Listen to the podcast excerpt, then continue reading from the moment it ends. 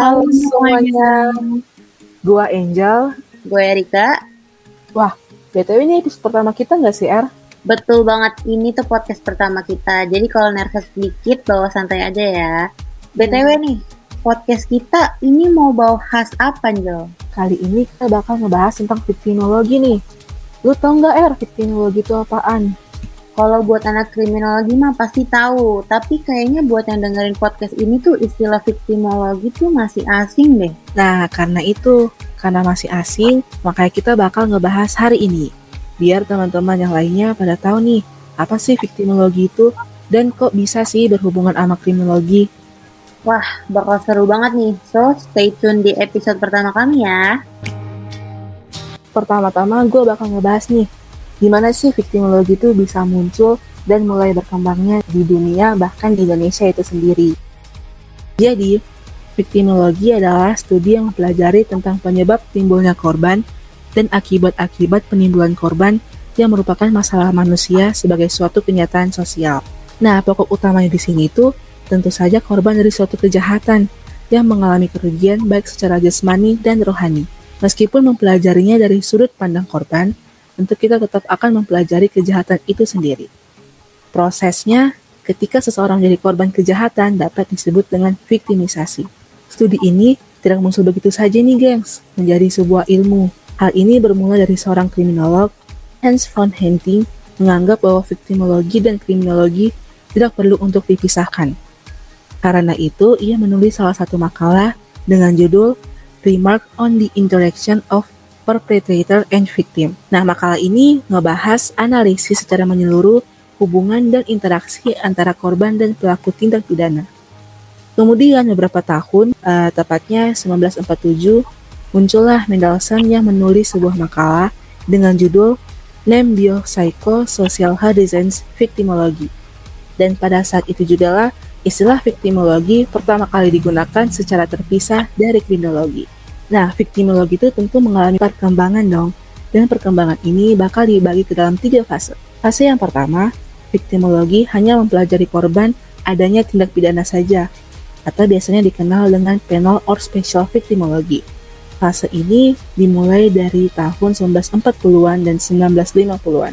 Kemudian berkembang menjadi tidak hanya mengkaji masalah korban tindak pidana saja, tetapi juga meliputi korban kecelakaan, atau yang dikenal dengan general victimologi.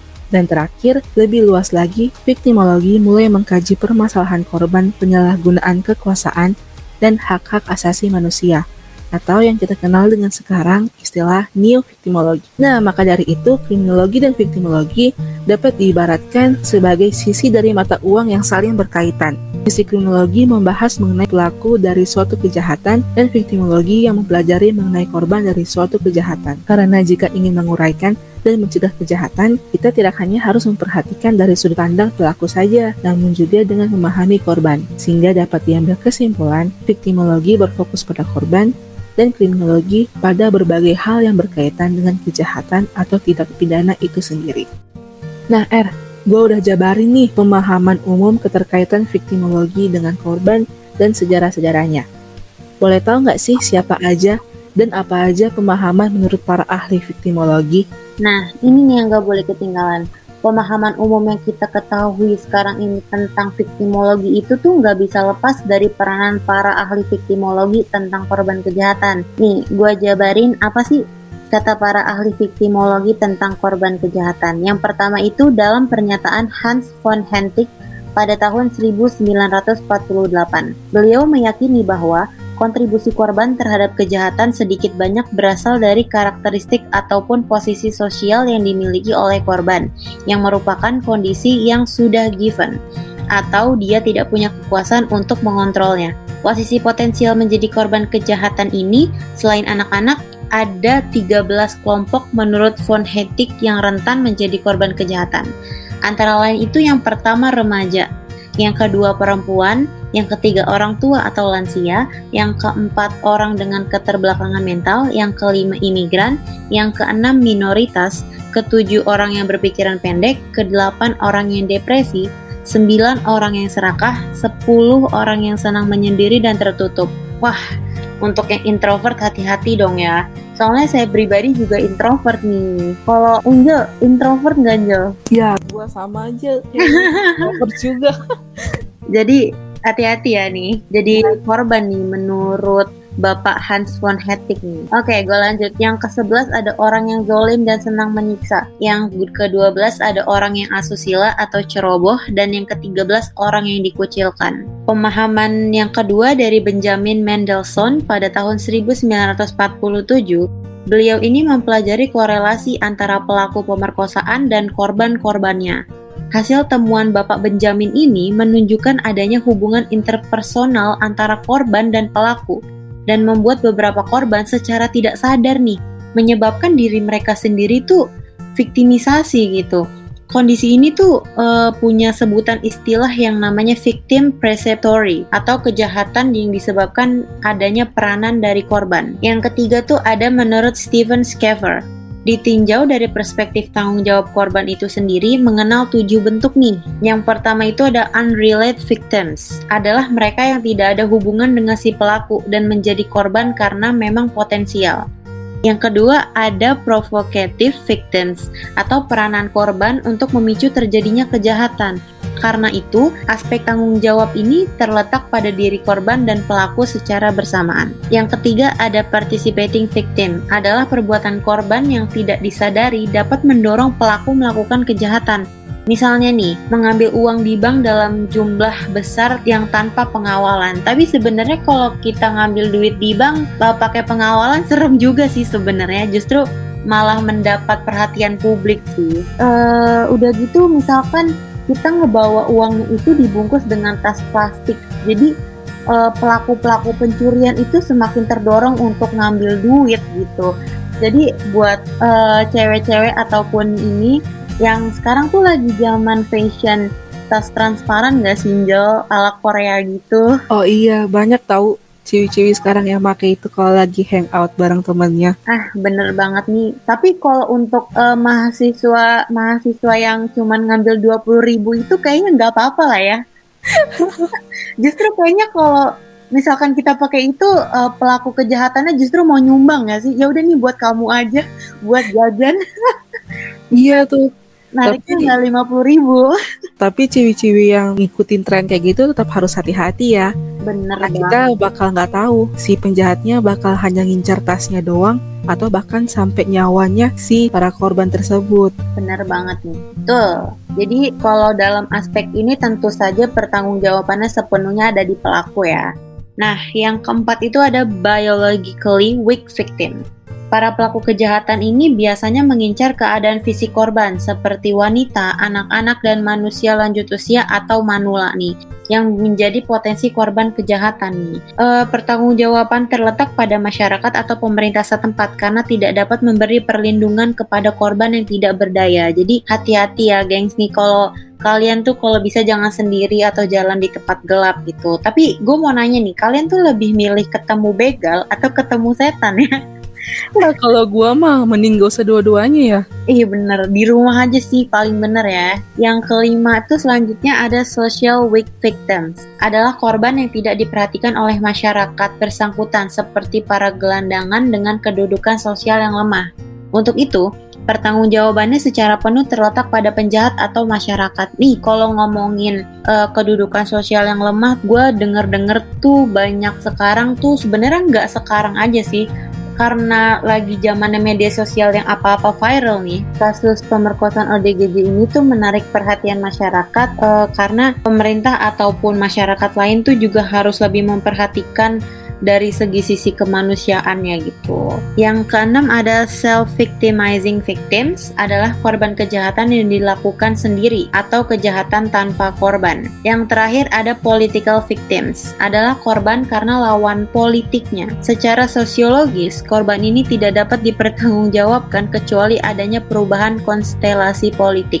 Studi tentang korban yang lain dilakukan oleh Marvin E. Wolfgang pada tahun 2009. Uh, eh, Marvin E. Wolfgang ini melahirkan konsep victim precipitation alias seseorang atau kelompok menjadi korban kejahatan karena ia atau mereka sendiri berkontribusi dalam tingkatan tertentu untuk ke terjadinya kejahatan tersebut. Nah, perkembangan viktimologi suatu negara merupakan suatu hasil interaksi akibat adanya interrelasi antara fenomena yang ada dan fenomena yang relevan. Salah satu faktor pendukung yang mempengaruhi perkembangan viktimologi di suatu negara itu adalah tentang pandangan hidup di negara tersebut. Setelah dikaji dan diuji, apa yang dianggap baru tersebut adalah rasional, dapat dipertanggungjawabkan dan bermanfaat tentu saja. Hal ini berlaku untuk viktimologi yang dianggap sebagai sesuatu yang baru dan ingin dikembangkan. Dalam penyelesaian perkara pidana, sering kali hukum itu terlalu mengutamakan hak-hak tersangka atau terdakwa, Sementara hak-hak korban ini tuh diabaikan. Korban tidak diberikan kewenangan dan tidak terlibat secara aktif dalam proses penyelidikan dan penyidikan. Sehingga ia kehilangan kesempatan untuk memperjuangkan hak-hak yang seharusnya dapat digunakan untuk memulihkan keadaannya.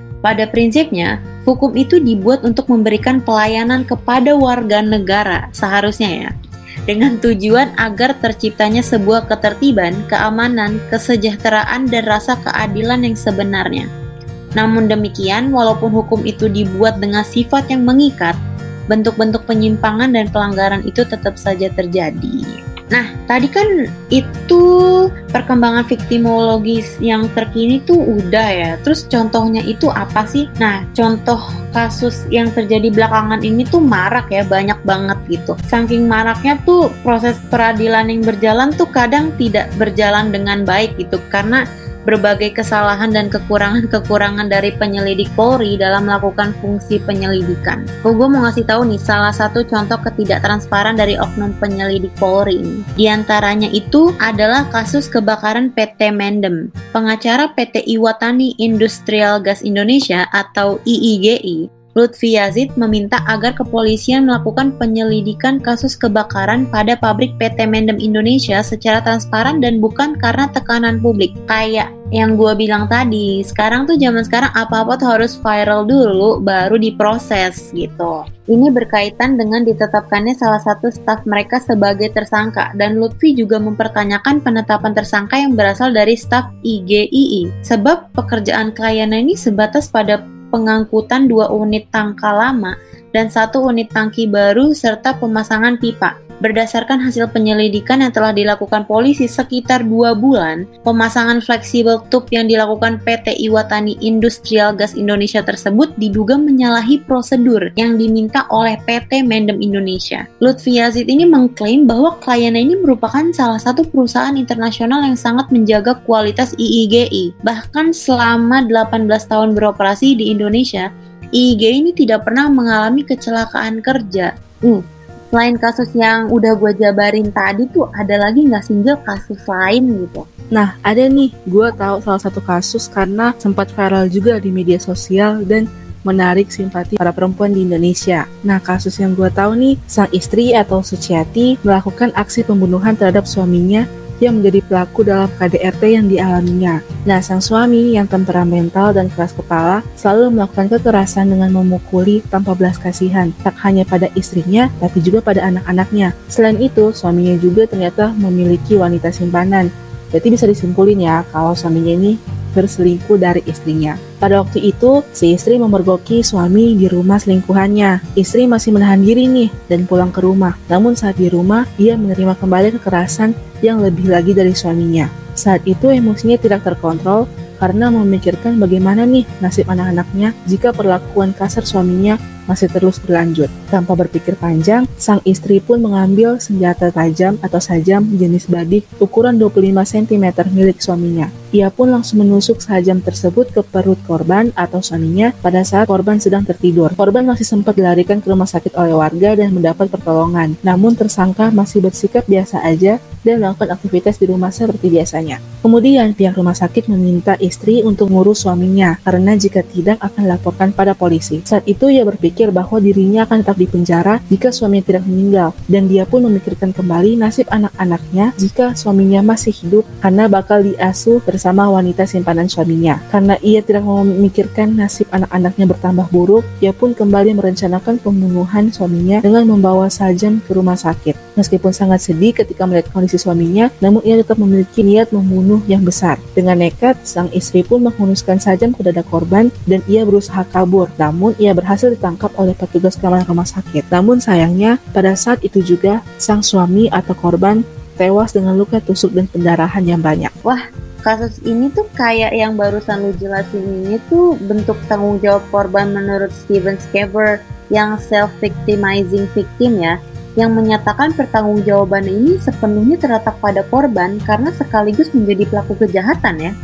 Nah, Iya benar R, karena pada kasus ini kita bisa lihat dengan jelas bahwa sang istri telah menjadi pelaku kejahatan karena membunuh suaminya sendiri. Namun saat diselidiki lebih lanjut ternyata ia punya nih alasan, bahkan alasan yang kuat mengapa ia melakukannya. Karena ia sendiri telah menerima perlakuan kekerasan dalam rumah tangga selama 22 tahun. Tidak hanya dirinya, tapi juga anak-anaknya kerap kali menerima kekerasan yang sama. Nah, situasi ini tentu membalikkan keadaan dong dan persepsi masyarakat dalam menilai tersangka dari pelaku kejahatan menjadi korban kejahatan. Seperti yang kita tahu nih, di Indonesia kasus kekerasan terhadap perempuan, terutama kekerasan dalam rumah tangga, sering menarik perhatian masyarakat.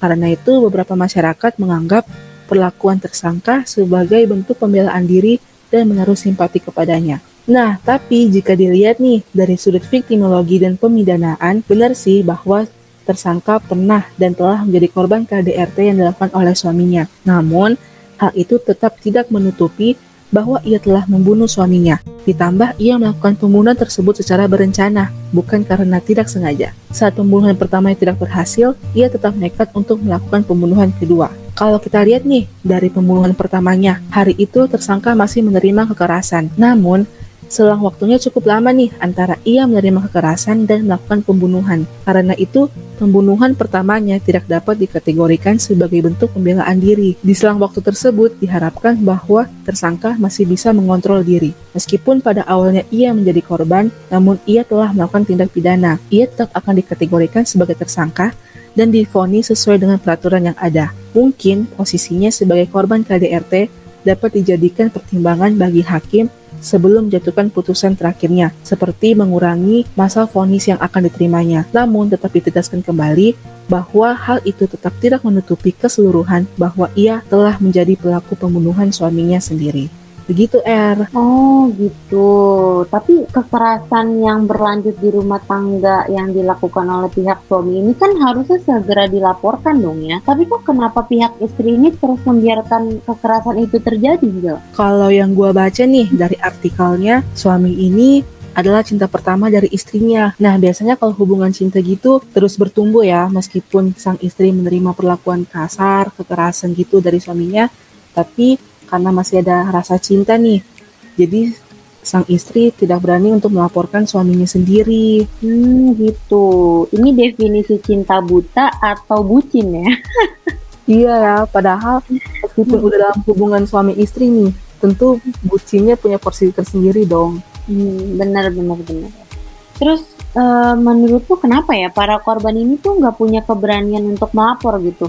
Di luar kasus yang udah tadi lu ceritain dengan alasan bucin atau cinta buta itu ada nggak sih gitu? Kenapa? Alasan apa gitu? Hmm, menurut gua nih ya Er, di Indonesia sendiri kan udah punya nih beberapa lembaga layanan yang bakal melayani kita dan menerima kita dan memproses aduan atau laporan tentang kasus kekerasan terhadap perempuan, terutama KDRT. Apalagi korban ini yang mengalami kasus KDRT bisa membawa kasus tersebut ke ranah hukum dengan undang-undang penghapusan KDRT yang udah ada. Nah, masalahnya yang gue temui nih, lembaga-lembaga ini belum dipercayai, bahkan masih ada masyarakat yang belum mengetahuinya, apalagi si korban. Mungkin karena sosialisasi ya dari pemerintah, padahal seberapa pun luas kalangan dalam masyarakat harus mengetahui isi aturan hukum yang bersangkutan dengan memperluas sosialisasi agar pemahaman tidak terbatas di beberapa kalangan saja. Kalau dari sini nih, kita bisa lihat situasi kekerasan di Indonesia sebenarnya bisa kita umpamain ibarat seperti fenomena gunung es. Angka kasus kekerasan yang dilihat berdasarkan laporan sangat berbanding terbalik dengan jumlah kasus yang sebenarnya terjadi dalam masyarakat. Karena tentu saja masih banyaknya kasus yang tidak terdaftar dan tidak terungkap. Wah,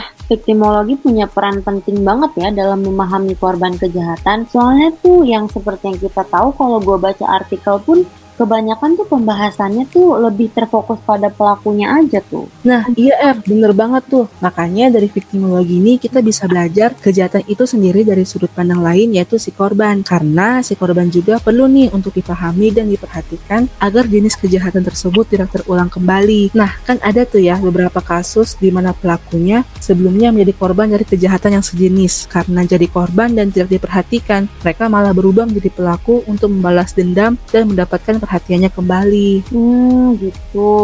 Oke deh, sampai sini dulu nih pembahasan kita. Kalau mau tahu lebih lengkap, masuk kriminologi budi luhur aja yang ganjil. Iya, bener tuh. Dosen-dosennya oh. juga friendly banget dah. Ah, lebih lengkap. Wah, kriminologi tuh kalau soal kriminal kejahatan tuh nggak pernah ada habisnya soalnya pembahasannya. Iya, dan bakal berkembang terus. Jadi bakal berguna lah buat ke depannya. Iya, bener banget. Oke deh, kita berdua pamit undur diri. Terima kasih dan sampai jumpa di podcast kami berikutnya. Bye-bye.